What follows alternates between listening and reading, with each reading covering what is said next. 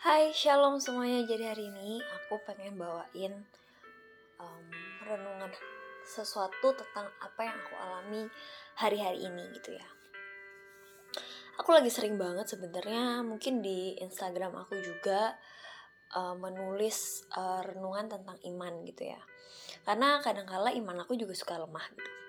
Tapi kadang-kala Tuhan ingetin bahwa iman adalah fondasi dari segala mujizat dan berkat tanpa iman, kita nggak akan bisa ngalamin terobosan atau kemenangan. Lemah boleh nggak sih? Ya boleh, karena kita tuh wajar banget.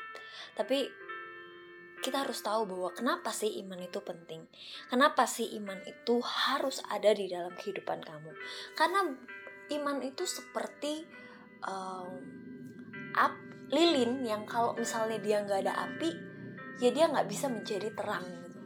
Nah, sama seperti uh, iman. Kalau hidup kamu tanpa iman, pasti kamu gak akan bisa menjadi terang. Terangnya seperti apa sih? Kamu bisa tetap ngomong ke orang-orang di sekitar kamu yang mungkin ngalamin hal yang sama.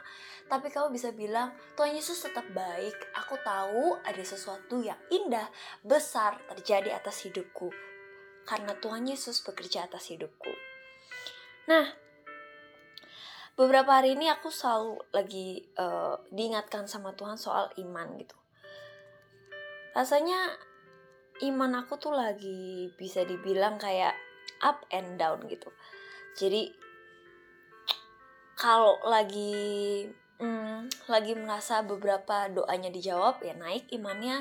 Kalau lagi nggak ada jawaban doa rasanya turun semua gitu.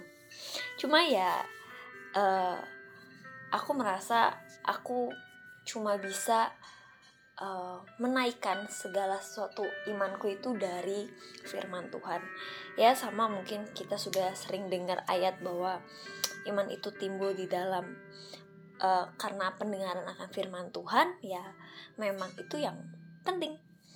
So kalau ditanya gimana sih cara untuk menjaga iman itu, gimana sih cara supaya iman itu semakin besar, satu-satunya cara yaitu dengan kita membaca firman Tuhan. Karena ketika kita membaca firman Tuhan, kita akan nemuin janji-janji Tuhan yang kita bisa pegang setiap harinya. Walaupun mungkin nggak kelihatan ya guys, tapi kadang-kala kalau kamu udah dijanjiin seseorang sesuatu, apalagi kamu dijanjiin sama Tuhan, itu pasti akan tergenapi ya dan amin gitu loh.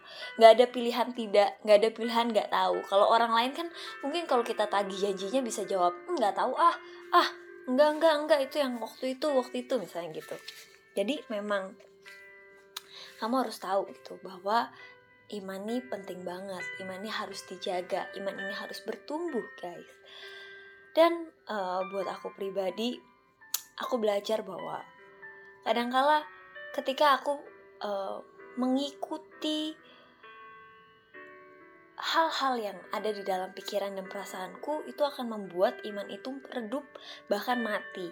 Jadi kadangkala kita harus belajar untuk menyingkirkan segala sesuatu itu dan kita lebih berfokus kepada iman, kita berfokus kepada Tuhan, kita berfokus sama apa yang Tuhan sudah kehendaki di dalam hidup kita.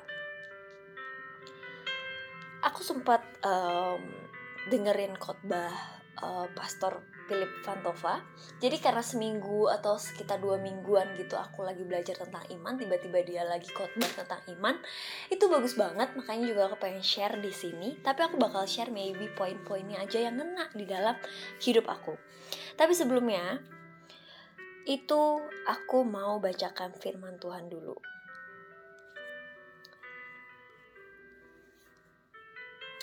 Di Roma 10 ayat 17. Jadi iman timbul dari pendengaran dan pendengaran akan firman Kristus. Amin. Nah, aku akan lanjut. Uh, kalau soal iman ya guys, mungkin sesimpel gini. Iman tuh selalu aku mengibaratkan kamu bisa percaya walaupun kamu tidak melihat. Kamu bisa percaya walaupun di sekeliling, sekeliling kamu itu gelap. Kamu bisa percaya walaupun kamu rasanya bener-bener semua pintu yang ada dalam hidupmu tertutup gitu. Tapi kamu tahu gak sih Tuhan tuh bekerja selalu untuk mendatangkan kebaikan bagi setiap orang yang mengasihinya. Makanya ini satu kesatuan di mana iman timbul dari pendengaran akan firman Tuhan. Uh, Tuhan itu mendatangkan kebaikan bagi setiap orang yang mengasihinya. Jadi, kalau kamu mendengarkan firman Tuhan, kamu mengasihi Tuhan, kamu punya hubungan yang erat sama Tuhan, kamu bangun keintimanmu sama Tuhan setiap hari, berdoa saat teduh, pujian, penyembahan, dan lain-lain. Selain iman kamu bisa terjaga dan bertumbuh, kamu akan tahu bahwa rencana Tuhan ada rencana Tuhan yang sedang menantimu indah pada waktunya aku juga punya banyak harapan. Aku juga punya banyak masalah. Aku juga punya banyak kerinduan dalam hidupku. Kadangkala aku merasa itu gelap. Aku kadang merasa kayak Tuhan tolong. Aku cuma bisa berteriak kayak gitu. Tapi ya setelah aku lalui dengan iman karena ya kadangkala imanku ada on off bukan on off sih kecil besar kecil besar gitu ketika besar ketika besar tuh biasanya kayak yaudah hidupnya berjalan dengan sukacita, dengan bersyukur. Tapi ketika lagi kecil, mulai nih ada ragu, takut, khawatir dan lain-lain gitu. Nah, ketika kayak gitu, itu tuh pasti aku jadi melihat satu pekerjaan Tuhan yang membuat imanku terus naik lagi gitu. Karena memang uh, apa pun yang aku alami, apa pun situasi hidupku, aku biasanya cuma datang sama Tuhan. Aku cuma dengar baca firman, aku cuma uh, melekat kepadanya gitu. Karena aku merasa ya Tuhan yang paling tahu isi hatiku gitu ya. Aku belajar untuk berfokus kepada uh, firman Tuhan. Berfokus sama imanku bukan kepada masalahku kepada dosaku kepada pergumulanku gitu. Nah ini yang aku tadi bilang dari sharenya Pastor Philip Pantova, iman tuh artinya kamu percaya sama kemampuan Tuhan bukan kemampuan manusia. Nah, kamu harus tahu bahwa kemampuannya Tuhan itu tidak pernah terbatas oleh apa pun. Tapi kalau kemampuanmu kamu punya limit. Makanya kenapa kadang kala kita merasa capek karena kita menggunakan kekuatan kita dan membuat hidup kita tuh rasanya menanggung sendirian gitu. Padahal kamu harus tahu, kamu bisa melalui itu bersama Tuhan. Kamu bisa mengizinkan Tuhan untuk ada di dalam kehidupan kamu untuk membantu kamu melalui hari-hari kamu dan kamu percaya Tuhan mengambil alih kehidupan kamu dan ada janji yang sedang menanti kehidupan kamu janji yang pastinya akan indah pada waktunya yang kedua iman tuh harus melawan arus. Yes bener banget. Kayak misalnya nih kita ini uh, pikiran tuh selalu cenderung sama hal-hal yang uh, misalnya ada 10 kebaikan sama satu satu kesalahan kita pasti akan fokus kepada kesalahan itu kan? Sama kalau kita lagi ada dalam masalah kita tuh pasti biasanya fokus sama masalah itu terus. Kita lupa sama kebaikan-kebaikan Tuhan yang kita selalu rasakan setiap harinya. Jadi kadang-kala kita harus belajar untuk melawan arus itu. Jadi kalau kita udah mulai mikirin masalah-masalah itu oh kita harus mikirin nih kebaikan Tuhan atau kita datang nih sama Tuhan atau kita uh, bersyukur nih gitu. Jadi bersyukur juga salah satu tindakan um, yang membuktikan iman kita ini uh, bisa bisa kita lakukan.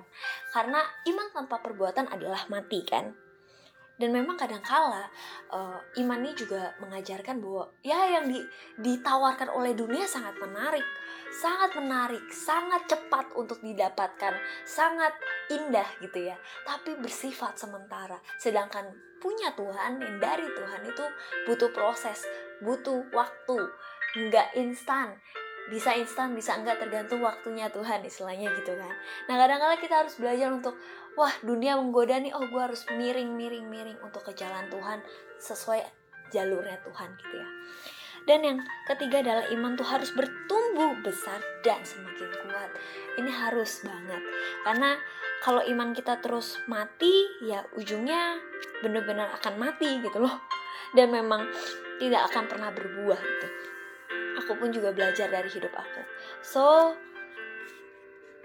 um, beberapa hari dan beberapa minggu ini aku merasakan penuh dengan iman bahkan pelayanan di LFG pun iman guys. Kadang mau menyerah kadang mau juga kayak hmm, Tuhan gimana ya? gitu. Tapi aku percaya Tuhan bahwa LFG ini bukan sebuah kebetulan tapi aku percaya LFG ini adalah satu tempat di mana memang rencana Tuhan harus tergenapi atas LFG. Jadi semua diproses sama Tuhan juga, dilihat hatinya siapa yang benar-benar sungguh-sungguh untuk melayani Tuhan. Dan aku bakal tutup dalam doa buat kita yang juga menjalani hari-hari kita dengan penuh iman, dengan penuh sesuatu yang kadang-kala kita nggak ngerti, kita harus terus belajar untuk melekat sama Tuhan, percaya sama Bapa, menyerahkan sama Bapa. Yuk kita sama-sama datang ke dalam hadiratnya. Bapa, terima kasih Tuhan untuk hari ini. Terima kasih untuk semua hal yang Engkau berikan dalam hidup kami. Kami mengucap syukur, kami bangga memiliki Allah sepertimu. Biarkan Tuhan hari demi hari kami terus selalu bersama Engkau. Kami terus Tuhan memiliki iman yang kuat, iman yang uh, kokoh, iman yang bisa bertumbuh, bahkan semakin kuat hari demi hari. Kami tahu Tuhan masalah ada, kami tahu Tuhan dosa ada, kami tahu Tuhan kesibukan kami ada, tapi itu tidak akan menjauhkan kami dari kasih-Mu. Kami tidak akan pernah kehilangan iman kami. Karena kami tahu kami punya Tuhan yang dahsyat kami tahu punya kami punya Tuhan yang bisa diandalkan. Kami tahu Tuhan janjimu ya dan amin akan terjadi dalam hidup kami. Ajar kami Tuhan untuk melalui hari-hari kami bersama Engkau. Menyerahkan segala sesuatu ke dalam tanganmu. Terus melekat kepada Engkau mendengarkan firmanmu berdoa berhubungan kepada Engkau. Pujian penyembahan semuanya Tuhan. Sehingga iman kami terus Tuhan bisa dijaga bahkan semakin kuat Terima kasih Bapa, kami mau serahkan hidup kami ke dalam tanganmu. Di dalam nama Tuhan Yesus. Haleluya. Amin. Thank you.